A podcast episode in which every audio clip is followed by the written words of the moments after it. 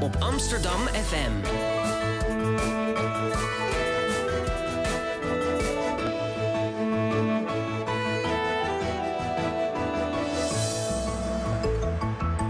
Radio Swammerdam. Goedemorgen allemaal. Welkom bij een nieuwe Radio Zwammerdam. Elke zondagochtend tussen 11 en 12 brengen we u op de hoogte van de wonderlijke wereld van de wetenschap vanuit de hoofdstad, live vanuit de OBA. Ik ben Vrouwtje Waterbok en ik presenteer deze uitzending samen met Elmer Rikhoff. En ook is onze vaste columniste geurhistorica Caro Verbeker weer. Welkom. Waar we vorige week over de grens tussen kunst en wetenschap praten met Bert Roemer en Hans Albing, gaan we het vandaag hebben over de verhouding tussen mens en dier. Want we hebben allemaal wel iets met dieren. Om te vertroetelen, om naar te kijken of om op te eten. Waar komt, deze, waar komt toch die fascinatie voor dieren vandaan? En zijn dieren niet zo, net zo intelligent als wij denken te zijn? Staan wij als mensen nog steeds bovenaan in het dierenrijk? Hoe zit dat? Uh, Elmer, wat denk jij? Uh, uh, zijn dieren intelligent? Ja, dat weet ik wel zeker dat ze intelligentie hebben. Ik bedoel, als je kijkt hoeveel dieren, van hoeveel dieren al bewezen is dat ze zichzelf kunnen herkennen in de spiegel. Zoals olifanten, dolfijnen.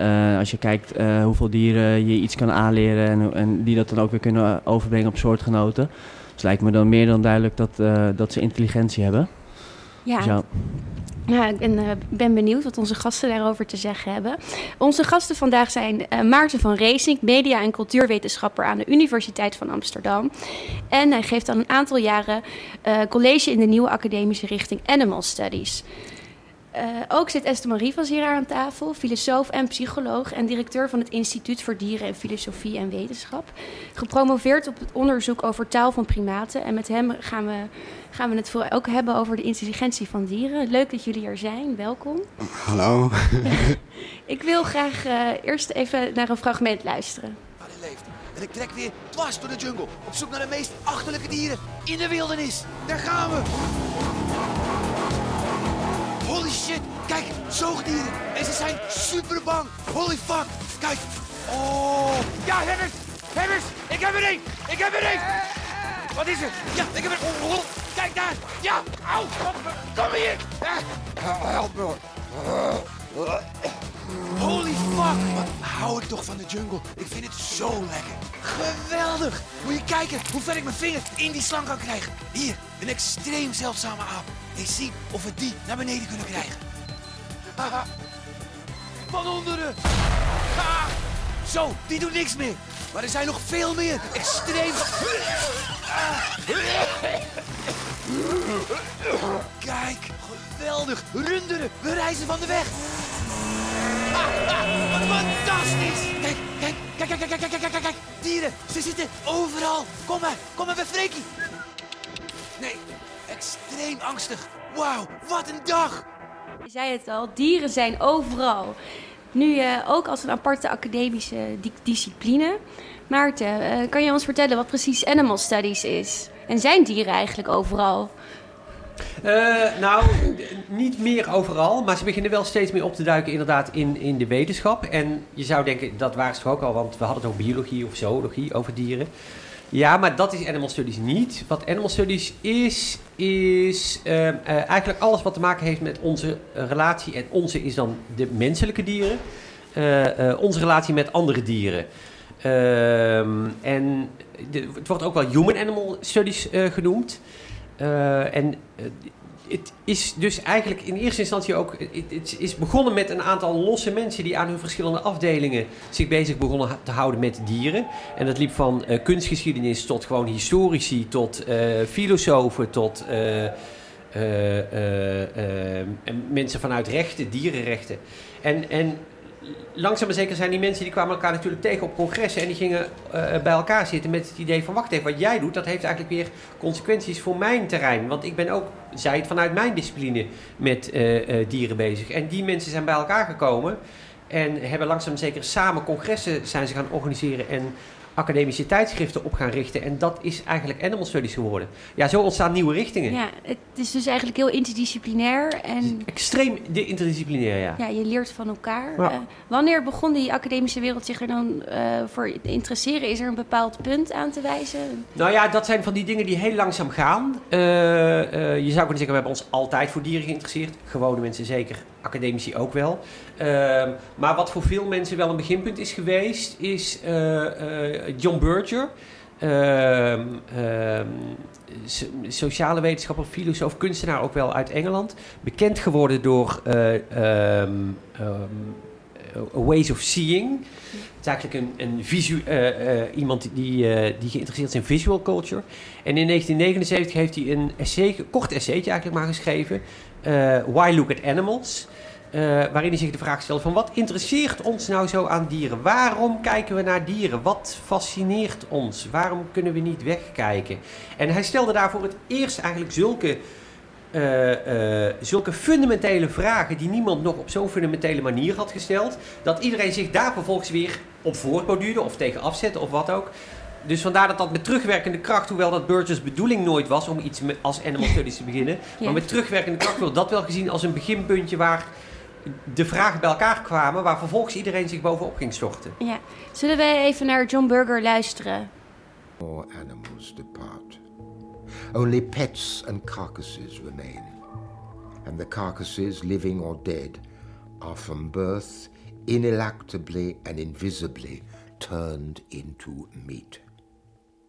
I believe it's completely feasible, said Bob Rust of Iowa State University, to specifically design an animal for hamburger.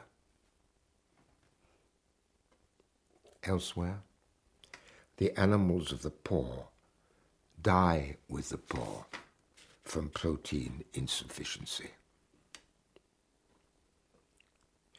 When fetched from the pastures, they bring into the cool stable the heat of the orchard and the hot breath of wild garlic.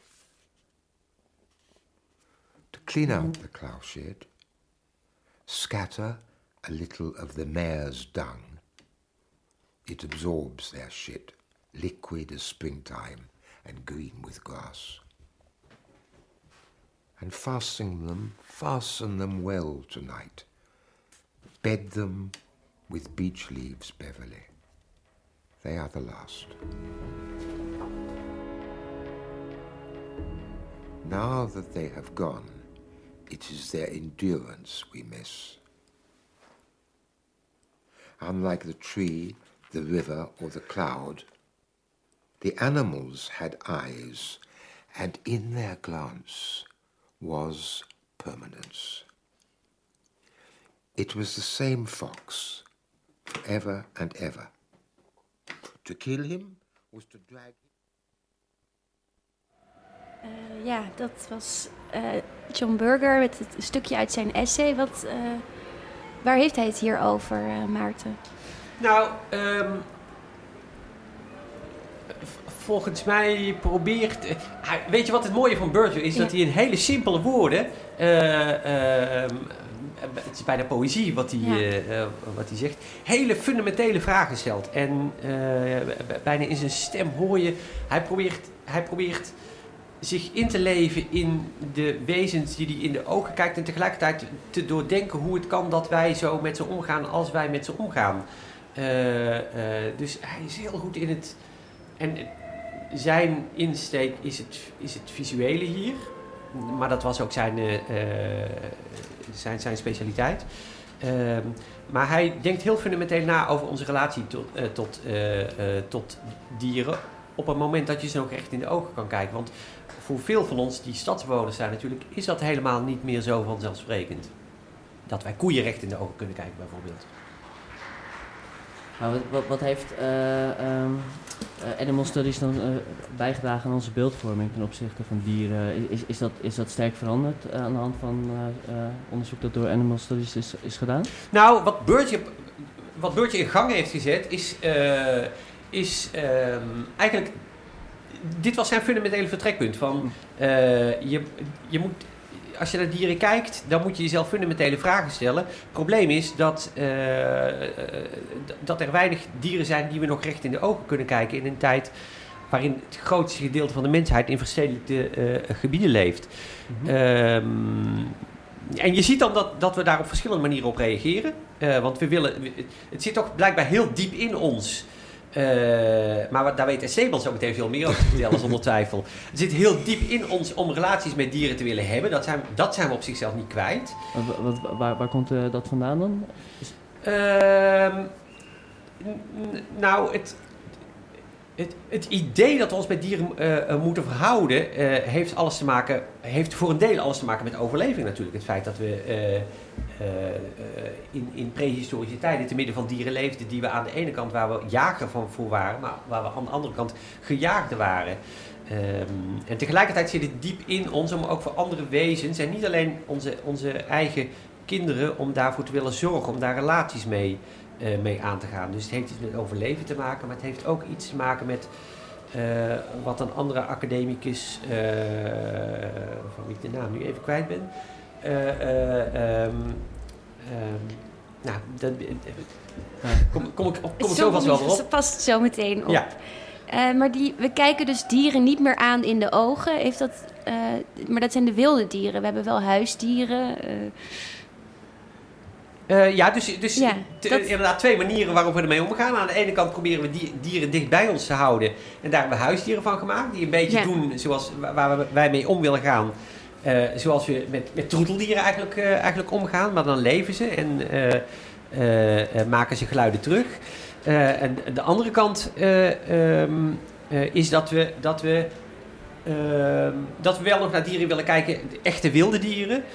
Ehm, alleen die leven niet meer zo dicht in de buurt, dus daar maken we dan filmpjes van. Eh, eh, of die zetten we in kleine parkjes, waar we ze toch live kunnen kijken, dierentuinen. Dus dat zijn meer de artificiële manieren waarop we naar echt wilde dieren eh, kunnen kijken. En je ziet dat natuurfilms, die scoren zo'n beetje de hoogste kijkcijfers die je kan voorstellen. En dierentuinen zijn zo'n beetje de meest populaire vrije tijdsbestedingen die mensen hebben. Dus we zijn wanhopig op zoek om in de geurbaniseerde wereld waarin we leven, om toch op een of andere manier ons nog tot dieren te verhouden en om daar een relatie mee op te bouwen.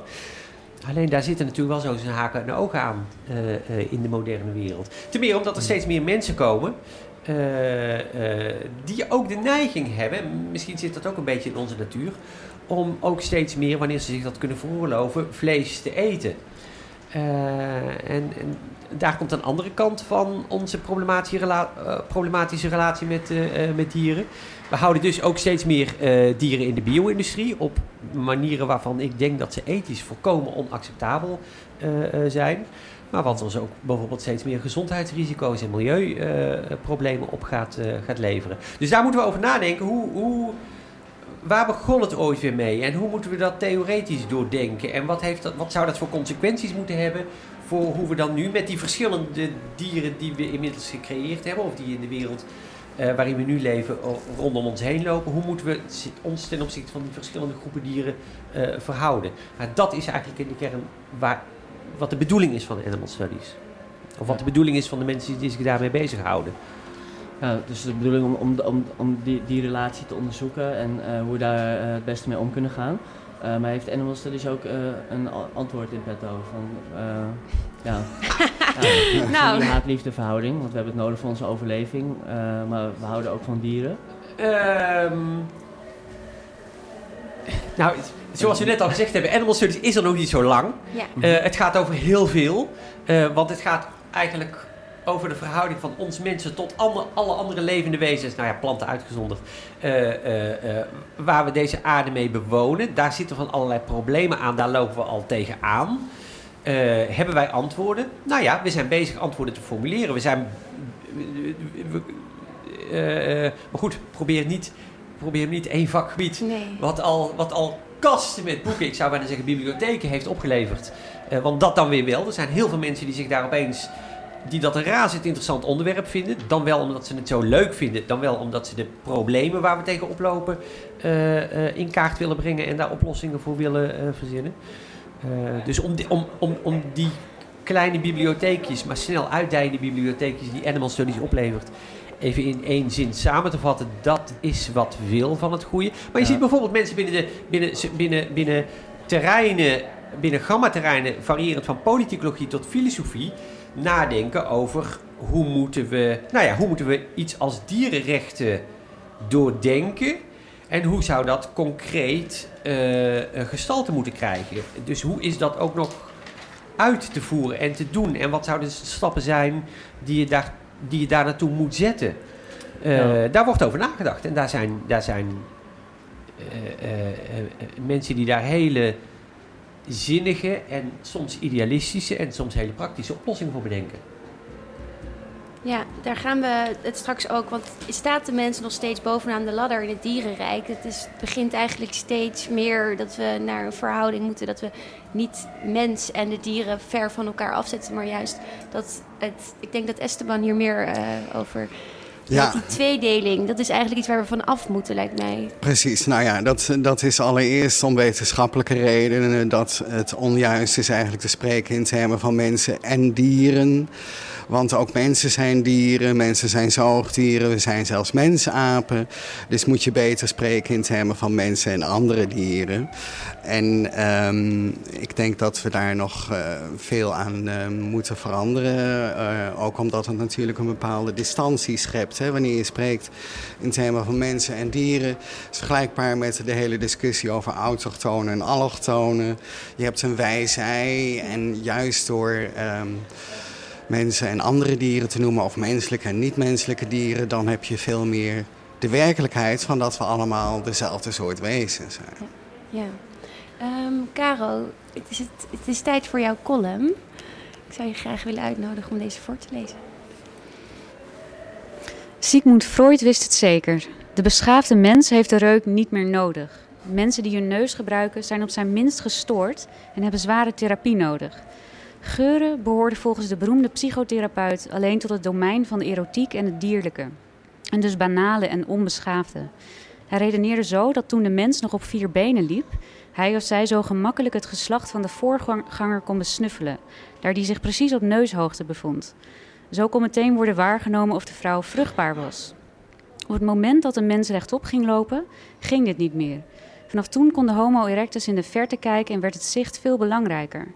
De neus was volgens Sigmund slechts een rudimentair en nutteloos overblijfsel van de primitieve mens. Overigens kon Freud door zijn drugsgebruik zelf nauwelijks iets ruiken. We weten dat dieren vaak hun neus volgen. Voor het paren, opsporen van eten en bijvoorbeeld het detecteren van emoties zoals angst. En wie weet wat voor onzichtbare informatie nog meer. Zij kennen geen schaamte bij het besnuffelen van de intieme delen van een willekeurige vreemde.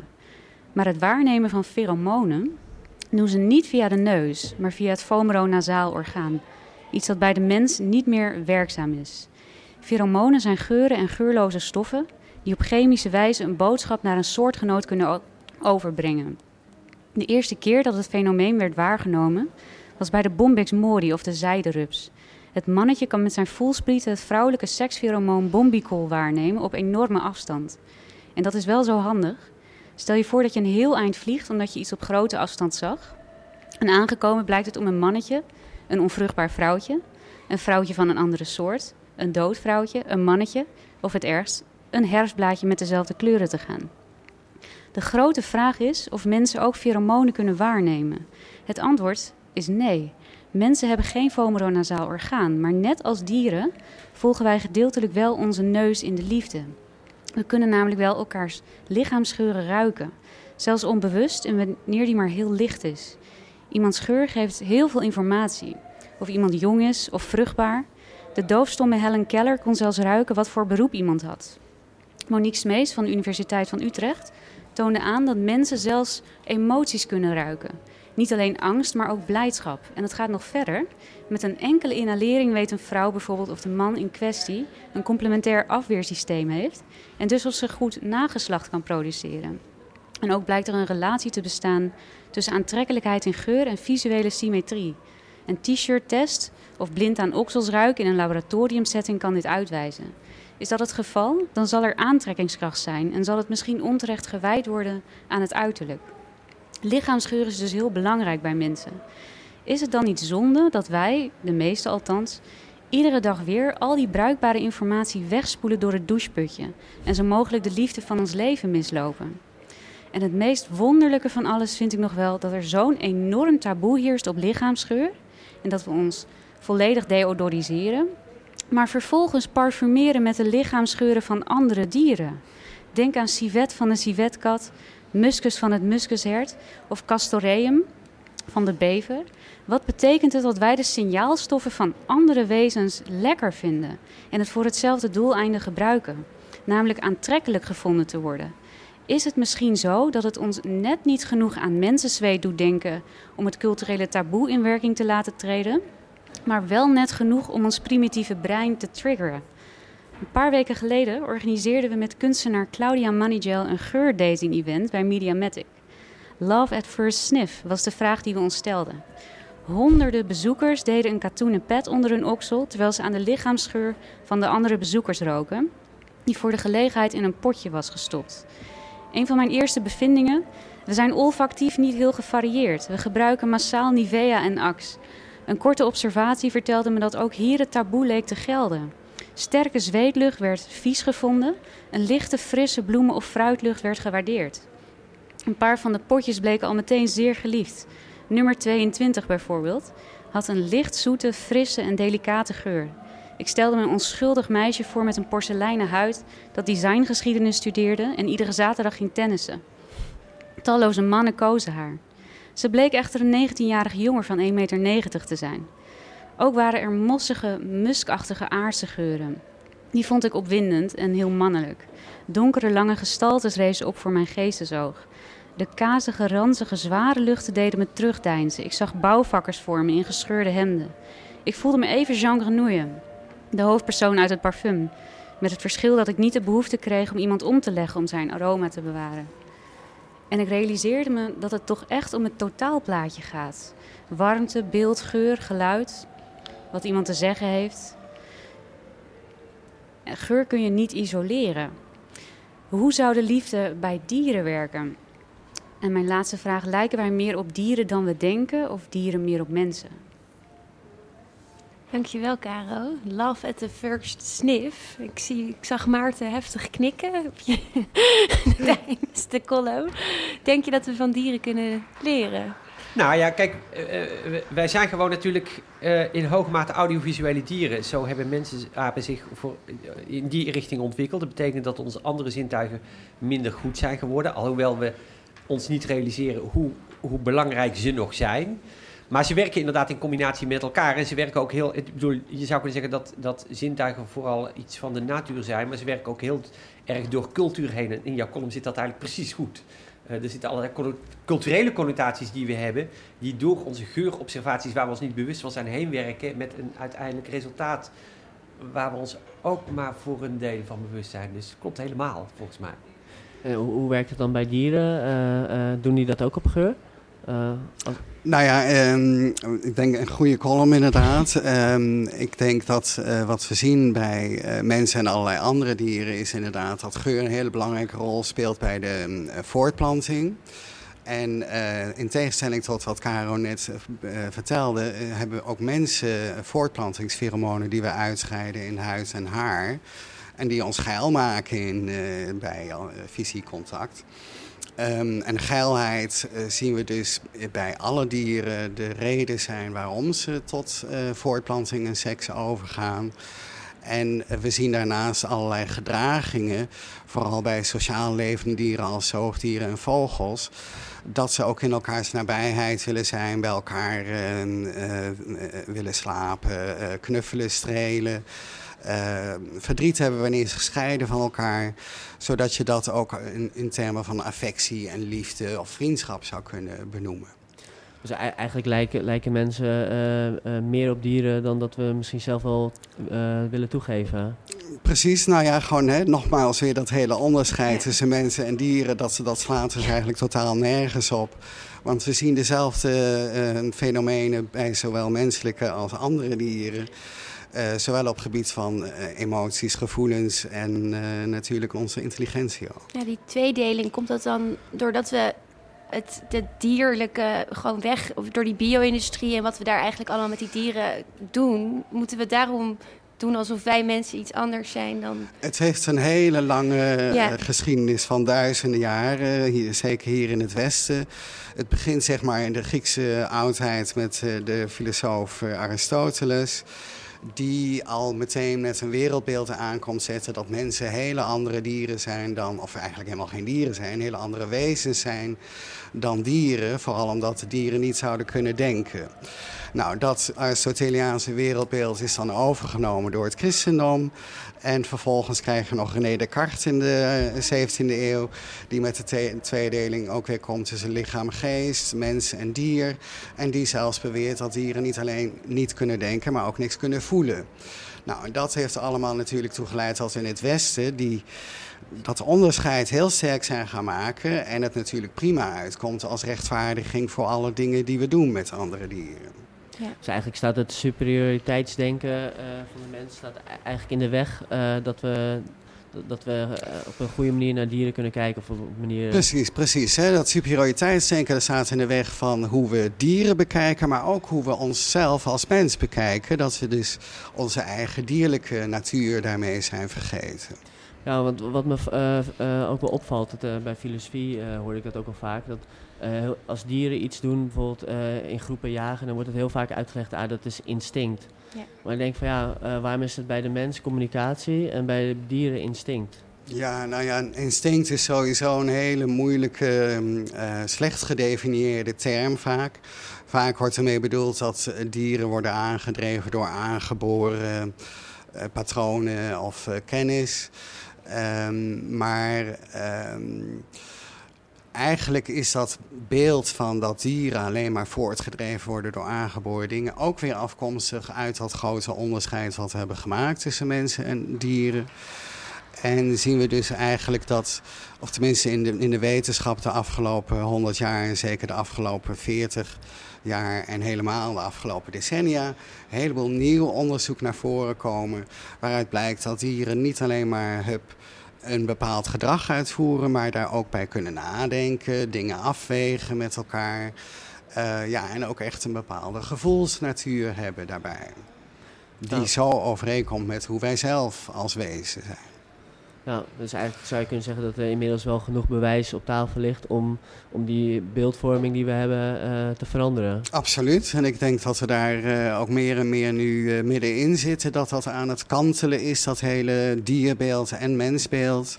En eh, dat dat in de loop van de ehm, toekomst nog veel verder zal gaan. Want, dan wou ik nog vragen aan Maarten, want eh, jij hebt ook eh, animal, of nee, me- media studies eh, gedaan. Of, Ja. Doe ik nog steeds. Nog steeds, nog steeds, ja, sorry. Eh, ligt daarin, eh, in, in, in die, voor die beeldvorming, ligt daarin ook een eh, taak weggelegd voor, voor, me- voor de media? Of, Ja, absoluut, dat denk ik wel.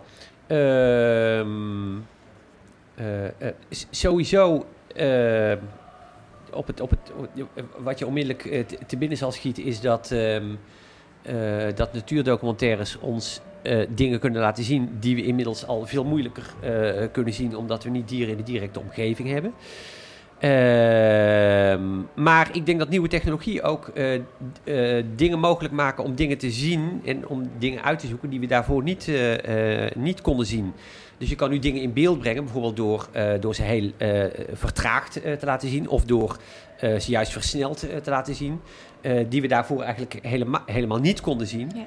Eh, en waardoor je een heel ander beeld krijgt van, eh, van hoe dieren leven, maar misschien ook wel van hoe het is om een dier te zijn. En ik verwacht ook wel wat van, eh, van virtual reality technieken, eh, waardoor je meer zou kunnen ingaan leven in hoe het is om een bepaald dier te zijn. En zonder enige twijfel zal dat geen andere uitkomst hebben dan dat we ons letterlijk meer gaan inleven in dieren. En dat dat consequenties heeft van hoe we vinden dat we met dieren om zouden, zouden gaan. Dus ik denk inderdaad dat, dieren, dat, dat media ons de mogelijkheid geven om dingen te zien die we vroeger nog wel konden zien, maar nu niet meer zo makkelijk. Ja. Maar dat zeker met nieuwe audiovisuele technieken. En nogmaals, wij zijn vooral een, een audiovisueel diertje. Daarom organiseren wij filmfestivals. Dat zouden honden nooit bedenken. Die zouden een reukfestival uh, uh, organiseren. Uh, geheel in, het, in lijn met wat, met wat onze columnist heeft ja. gezegd. Wij zijn vooral audiovisuele diertjes. Maar juist omdat we dus heel erg audiovisuele technieken bedenken... geeft ons dat wel een toegang tot tot, tot een inkijkje, letterlijk een inkijkje, in hoe andere dieren leven en hoe andere dieren voelen. Want ik, ik moest bijvoorbeeld ook denken aan, uh, nou, je hebt allemaal films zoals Flipper en Babe ja. en uh, 101 Dalmatiërs. En uh, na afloop van die film ontstonden al die dolfinariums waar al die orka's zwaar depressief in gevangenschap leven. Maar ja, dat draagt natuurlijk ook op een andere manier weer bij aan de, aan de beeldvorming. nou ja, um, dit sluit eigenlijk goed aan bij het begrip wat ik net kwijt was. Dat is het begrip biofilia van, uh, van Wilson. Biofilia. Biofilia. Dat, uh, het idee is dat we, dat we een natuur, dat een aangeboren liefde hebben voor alles wat, wat leeft. En uh, dat is eigenlijk precies waar Disney op in ja, Los van dat de theorie, daar kan je van allerlei dingen nog van vinden. Daar zitten wel wat haken en ogen aan. Maar je zou kunnen zeggen, als we zoiets hebben, en dat lijkt er wel op, dat, dat Disney daar perfect op inspeelt. Zonder de kreet te kennen natuurlijk. Maar, maar, uh, uh, want van jongs af aan houden wij van Disney-films. En leven wij mee met de films die je net genoemd heeft. En weet iedereen nog waar hij was toen hij voor het eerst mm -hmm. de dood van de moeder van Bambi zag. Um, dus... Um, dus, dus het meeleven met dieren, dat zit heel erg diep in ons. En dat hebben we als kind, zitten we daar nog heel erg dichtbij. Uh, dat wil niet zeggen dat dat, dat meeleven, of uh, in elk geval de, de Disney-vorm die dat uh, vaak krijgt, dat dat ook nadelige consequenties heeft. Nou ja, een van de voorbeelden is dat na het uitkomen van, uh, van de Dalmatiërs-film iedereen Dalmatiërs wilde hebben. Of na Finding Nemo iedereen die visjes wilde hebben, terwijl ze niet wisten hoe we daarmee om moeten, uh, uh, moeten gaan. Dus ja, het is niet per se zo dat als we ons met, met, met Disney-diertjes inleven, dat dat dan meteen één op één goede effecten heeft van, mm -hmm. over het nadenken van dieren. en, en het grote gevaar daarin is wat we dan noemen antropomorfisme, dus het toekennen van, van menselijke eigenschappen aan dieren. Behalve dat veel van wat we toch tot een aantal decennia terug dachten dat antropomorf was, dus dat we onterecht aan uh, dieren uh, uh, gedragingen, emoties toekenden die typisch menselijk waren, dat we ons nu in toenemende mate realiseren. en eigenlijk is het daar net al over, over gegaan. Ons in toenemende mate realiseren dat dieren dat ook hebben. Dat het dus helemaal niet antropomorf is om dat aan dieren toe te kennen. Maar dat het typisch dierlijk is. En wij zijn ook dieren. Dus dat, dat delen wij met, met andere dieren de vraag is dat je. Kijk, we zijn aan de ene kant. hebben we dus heel veel overeenkomsten met dieren. Veel meer dan we ooit dachten. Aan de andere kant zijn wij wel een apart diersoortje. Zoals eigenlijk elke andere diersoort een aparte diersoort is. En, en moeten we dus de hele tijd in het oog houden van wat, hebben, wat komen we overeen met andere dieren. En met welke andere dieren. Want dieren is natuurlijk wel een heel erg containerbegrip. Uh, wat komt, waarin komen we overeen met welke andere dieren en waarin verschillen we van andere dieren? Alle twee is volgens mij handig om door te hebben hoe het zit. Uh, wat zijn de, oh, uh, Esteban, wat die verschillen en die overeenkomsten? Wat zijn de laatste ontwikkelingen rond dat thema? Want we, ja. ik hoor dat empathie is een aangeboren eigenschap volgens de bekende Frans de Waal primatoloog. Bij ja. apen. Nou, wat we zien is dat er inderdaad steeds meer aandacht komt voor allerlei uh, eigenschappen en vermogens die we tot nu toe altijd als menselijk zagen. En we zien inderdaad in empathieonderzoek inmiddels dat we lang niet de enige zijn die mee kunnen leven met een ander en het perspectief van een ander kunnen nemen en in, op bepaalde manieren helpen en uh, verzorgen. Um, het is inmiddels niet alleen voor de andere grote mensapen vastgesteld. We zien het bij olifanten, kraaiachtige, um, hondachtige ook, die elkaar troosten wanneer er eentje gestrest is.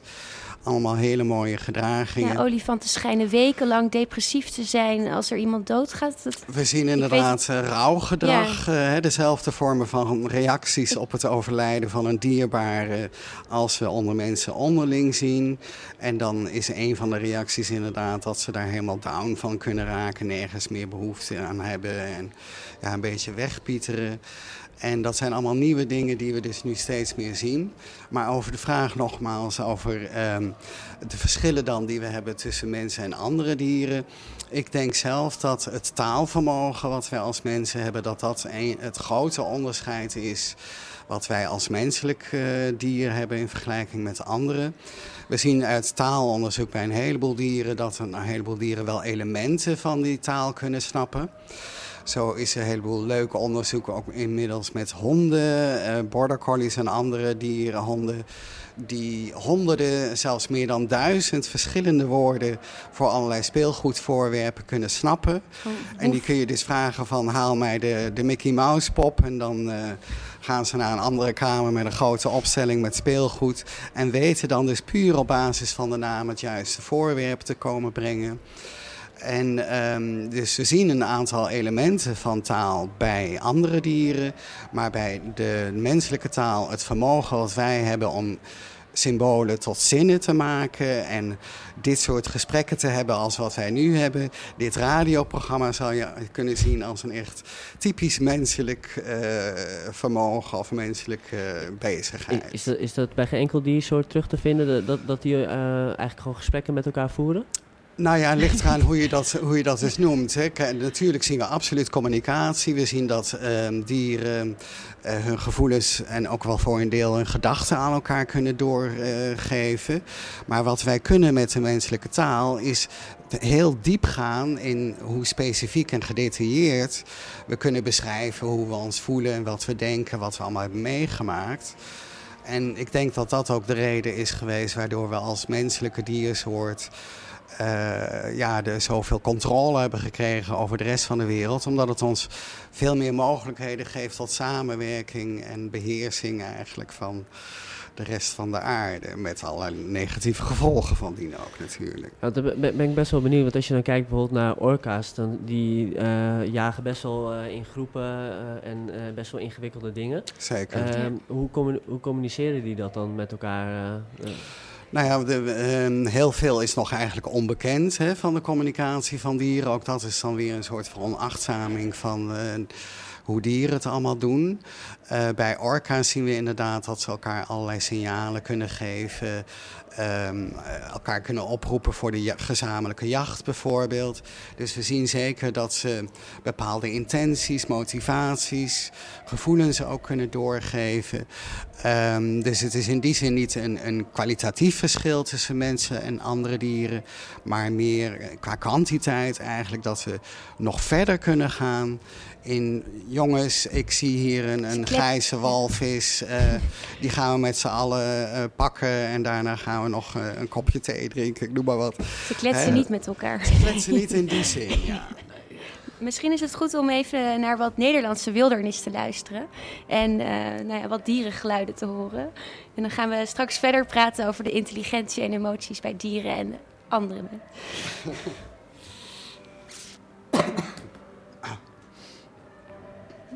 Hallo.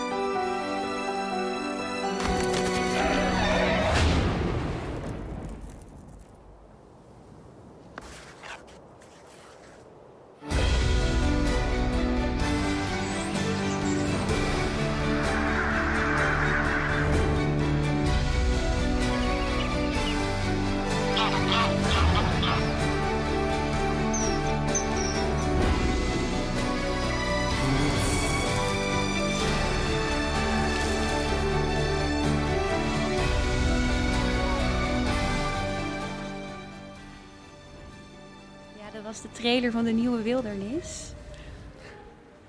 Ehm, ja, welkom terug bij Radio Swammerdam. Ja, we hadden het zo even al over van, eh, ik vroeg eh, tijdens de trailer van, eh, kan dat nog veranderen als we straks meer onderzoek doen naar orka's?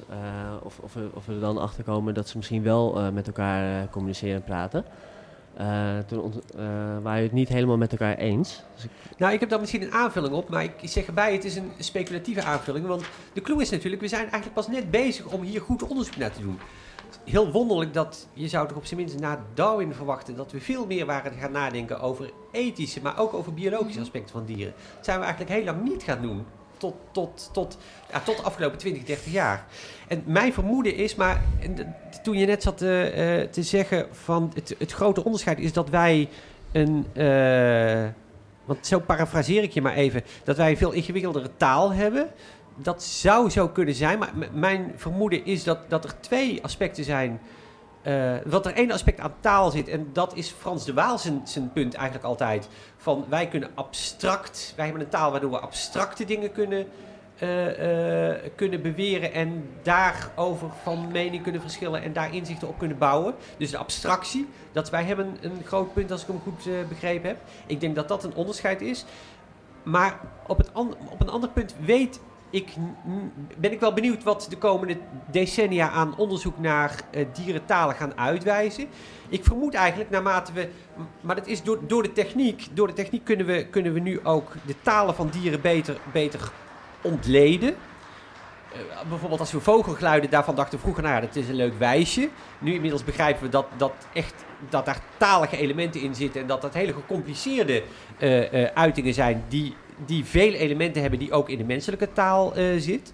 Ik zou mij kunnen voorstellen dat wij er in de loop van de komende decennia achterkomen dat dierentalen eigenlijk misschien wel best zo ingewikkeld zijn als menselijke talen. Of in hoge mate ook zo ingewikkeld zijn. Maar wat ons wel van dieren onderscheidt is denk ik dat wij, eh, dat wij het vermogen hebben ontwikkeld ehm, om eh, de informatie die we via taal doorgeven, want dat is taal natuurlijk, informatie, eh, die we daarmee uitwisselen en doorgeven, dat wij manieren hebben gevonden om die vast te leggen.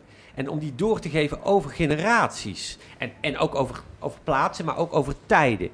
Ik vermoed, ik vermoed eigenlijk dat dat over een aantal decennia de crux blijkt te zijn. Maar Maar- dat is speculatief. Ja, maar goed, in principe is dat eigenlijk nu al de crux hoor. Of in ieder geval de conclusie waar we de wetenschappers op uitkomen. Dat het taalvermogen ook mogelijk maakt dat wij als menselijke dieren eh, onze kennis van onze voorouders ehm, kunnen overdragen. Dat je dus spreekt van een cumulatieve cultuur. Dus een, ehm, een, een, erfgoed aan kennis en wetenschap die. ehm, steeds groter wordt eigenlijk. Hè? Waardoor we dus ook weer meer controlemogelijkheden over de wereld krijgen. Het is absoluut waar dat het taalonderzoek of de communicatieonderzoek met dieren voor een deel nog in de kinderschoenen staat. We zien de afgelopen jaren bijvoorbeeld boeiend onderzoek naar de alarmkreten van een aantal dieren.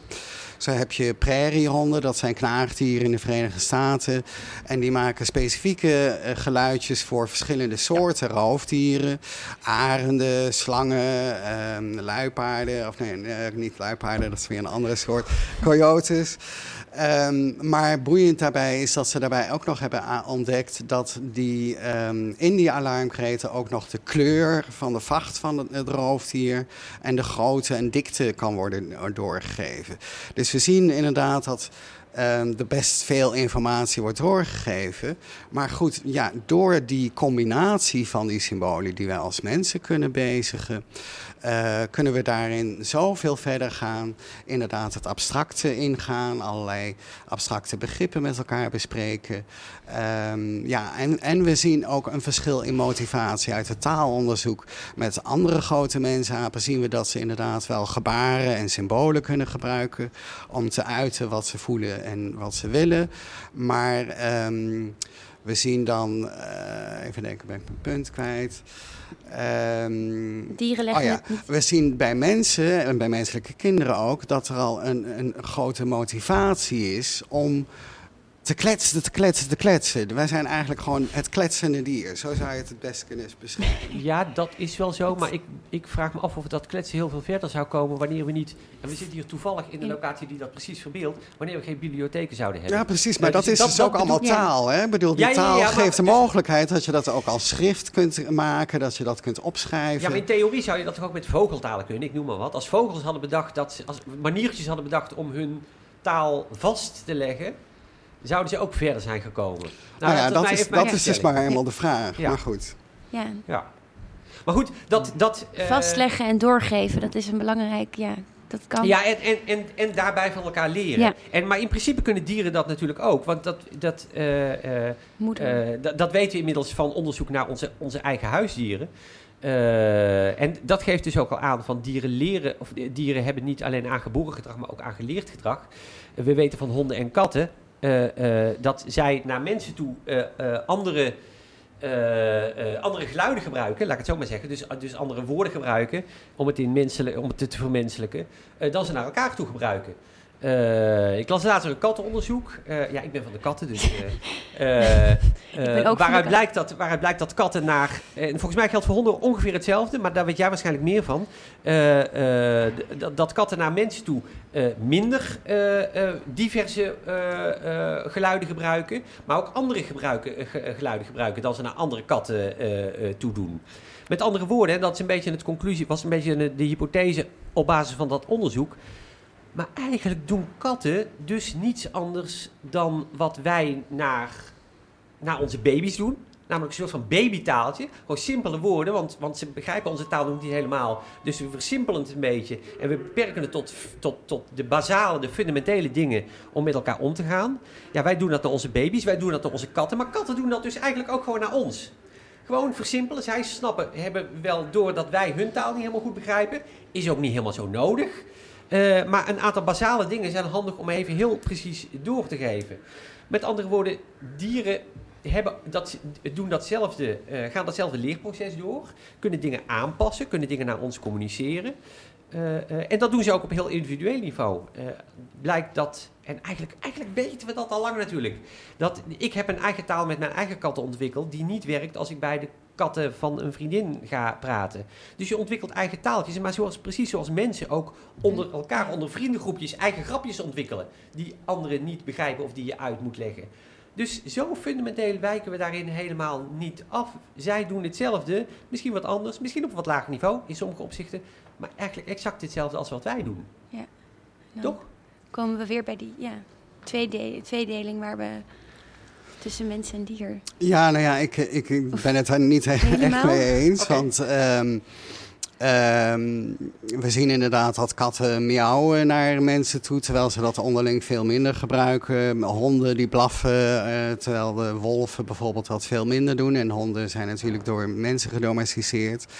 Eh, ja, ik, ik blijf er gewoon bij dat. ehm, Tuurlijk, eh, het ligt er maar helemaal aan wat je taal noemt, hoe je dat definieert. En eh, we zien natuurlijk eh, dat dieren allerlei dingen kunnen communiceren aan ons en zich aanpassen aan ons. Maar goed, het blijft staan dat, zij, dat een kat nooit een, een, aan jou zal gaan vertellen van... ik heb gisteren ehm, al eh, tien muizen gevangen en daarna heb ik eh, nog lekker seks gehad eh, buiten in het bos. terwijl mensen dat wel doen. Maar goed, ik denk niet Ja. dat we hier misschien Nee, nee, nee, maar, nog verder...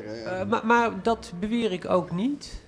Ik begrijp niet waar je, waar je denkt dat het verschil tussen ons tweeën zit. Nou, omdat jij dus eigenlijk zegt van oké, het is eh, eigenlijk zie je taal op dezelfde manier bij alle andere dieren. Op een, Op een fundamentele manier op een wel, ja. Ik, dat wat je net zegt, dat mijn kat dat soort dingen niet kan overbrengen, dat ben ik wel met je eens. Dus, dus wat ik al zei, hè, dus daar, daar ben ik een, dan een volgeling van de Waal, net als jij, denk ik. eh, eh, dat, ze, dat ze minder goed zijn in abstracte dingen die niet in het hier en nu gebeuren over te brengen. Maar bazaal dingen overbrengen en proberen aan het andere wezen dat Oh, jouw taal niet spreekt, eh, daar even een eigen onderling taaltje voor ontwikkelen. Daar, en, dat- en dat is dus, daar, daarmee is een fundamentele stap gezet. eh, eh, in de zin van dat we vroeger dachten dat alleen, dieren alleen maar aangeboren gedrag hebben. terwijl je al aan, aan de taal tussen mij en mijn kat kan zien dat ook mijn kat aangeleerde taal kan gebruiken, daar zijn we het toch wel over eens. Volgens mij Ja, kern ja, ja. zijn we het daarmee wel eens. Wat dat betreft wel, ja. Eh, als, we, als we er nou even terug, als we ervan uitgaan dat dieren intelligentie en een gevoelsleven hebben, eh, Esteban, wat voor morele implicaties heeft dat dan? Ehm, nou, dat heeft allereerst implicaties dat je bijvoorbeeld ehm, eh, morele theorieën die alleen de mens als belangrijk wezen ziet, dat dat ehm, eh, ja, niet meer juist is natuurlijk. En verder is dat afhankelijk dan van de specifieke ethische school of stroming die je aanhangt, wat die ehm, aanwezigheid van intelligentie en gevoelsleven dan allemaal inhoudt. Wat ik zelf voorsta is wat ik het dierlijk egalitarisme noem of abolitionisme. Wat is dat precies? En dat houdt in eh, dat als je ziet dat andere dieren dan mensen, net als wij, eh, voelende wezens zijn. ehm, dus wezens zijn die een leven hebben waar het uitmaakt hoe je met ze omgaat. Dat dat dan ook inhoudt dat, dat ze een intrinsieke waarde hebben. Dus niet alleen maar een extrinsieke waarde in de zin van dat ze nut hebben voor ons, maar dat ze op zichzelf staande wezens zijn met waarde. En als het dus allemaal voelende wezens zijn, dan eh, grijp ik terug op het humane egalitarisme. Dus hoe wij als mensen onderling gelijkheid zien. En dan is dat bij ons mensen niet gekoppeld aan hoe intelligent je bent, of hoe ontwikkeld je bent, of wat voor vermogens je allemaal hebt gehad. Ehm, we zien gewoon de aanwezigheid van een voelend mens zijn, dat dat de reden is waarom je de ander als gelijke ziet. Nou, dat wil ik dus doortrekken naar alle dieren toe. En dan kom je uit op de positie van het abolitionisme. En dat houdt in dat het niet volstaat om allemaal verbeteringen aan te brengen in dierenwelzijn, weet je wel. eh, een aantal centimeter meer voor de kippen in de, in de, de stallen. Het gaat juist om het afschaffen dan van allerlei praktijken die we als mensen hebben, waarbij we het dier dus als gebruiksvoorwerp zien. En dan kom je dus uit op afschaffing van het eten van dieren, van het gebruiken als proefdier, eh, bond, eh, ga ze maar door. En ehm, ja, een hele nieuwe manier van samenleven. Die denk ik ook veel eh, interessanter en uitdagender is. Want je gaat dus, doordat je het dier als gelijke ziet, je veel meer interesseren ook voor het dier. Op zich eh, ben ik het wel helemaal met je eens dat we ehm, eh, ja, eigenlijk eh, moreel gezien eh, veel beter om moeten gaan met de dieren en, en ze ook als gelijk moeten beschouwen.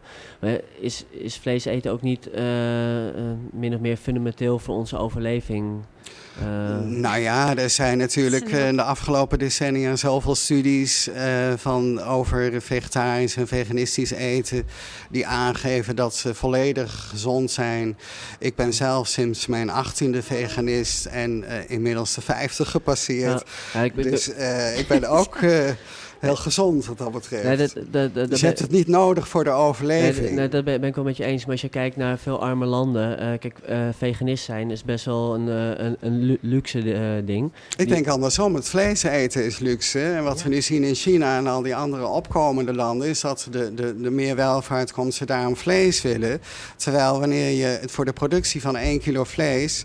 heb je eh, zoveel kilo plantaardig voedsel nodig om dat beest te voeren... wat je uiteindelijk vlees maakt. Dus om het hongerprobleem op te lossen in de wereld... in Afrika en weet ik veel... kun je juist beter ehm, eh, plantaardig voedsel geven... want dan heb je veel meer, veel meer eigenlijk om te bieden aan de mensheid. Ja, precies. Dus dat zou dan uiteindelijk een betere oplossing zijn, mits we het voedsel eh, goed, goed verdelen. eh. Uiteraard, maar dat zijn dan weer eh, hele politieke, maatschappelijke kwesties... waardoor dat nu niet plaatsvindt. Want er is natuurlijk op dit moment, as we speak... voldoende eten om iedereen te voeden... Maar het gebeurt niet vanwege allerlei politieke en eh, onjuiste manieren van hoe we met elkaar als mensen omgaan. Ja, gewenning, denk ik. Ja. Ja. Nou ja, gewoon ook weer die afstand hè, van Ja, ach, is het is daar naar precies. Afrika, het is daar in de derde wereld. En Het ehm, wij en- het wij-zij denken in die zin. Ja, nou, op, op- ja nee, ik, ik ben het wel met je eens. Eh, alleen op dit moment heb je natuurlijk best wel veel arme landen waar, eh, waar, die, waar, waar ze gewoon niet genoeg voedsel hebben. Dus eh, ja, ik, ik hoor wel, wel eens omheen van, van veganisten van eh, vlees eten is, eh, is moord. Eh, en dan denk ik van, min of meer misschien wel, maar er zijn ook wel eh, op dit moment mensen in de wereld die, die gewoon geen keuze hebben. Dus dat is, Ehm, dit was het alweer. ja, Dit ging snel, het uur. Dit was Radio Zwammerdam. Oh, het... Ehm, tot slot laatste vraag, Maarten. Als we een beetje in de toekomst proberen te kijken, denk jij dat we dat dier-mens meer richting elkaar verschuift? Of is die o- over die? Ehm, Ja, daar ben ik wel optimistisch over. Ja? Ja, eh, ik denk dat langzaam zeker eh, ons, ons denken over dieren zich zal gaan verdiepen. En dat zal onvermijdelijk leiden dan eh, dat we... eh, eh, dat we de kloof zoals we die nu nog zien, dat die, dat die kleiner gaat worden. En dat wij daar met vallen en opstaan, en dat duurt heel lang, eh, eh, dat wij daar ons gedrag op gaan aanpassen. De manier waarop mensen omgaan. Ja. Nou, dit was Radio Zwammerdam, zondag 4 december. Vandaag met Maarten van Reesik en Esteban Rivas. Beiden heel erg bedankt voor jullie komst. De, de column werd verzorgd door Karel Verbeek en achter de knoppen zat Barry Bet. Dankjewel. Volgende week weer een nieuwe Zwammerdam. Dit keer over antipsychiatrie met Gemma Blok. Eh, later vanmiddag kunt u de hele uitzending op Soundcloud terugluisteren of als podcast via iTunes. Of ga naar onze website www.radiozwammerdam.nl. Ik ben Vrouwtje Waterbok en ik presenteerde deze aflevering samen met Elmer Rikhoff. Dit was Radio Zwammerdam. Tot volgende week.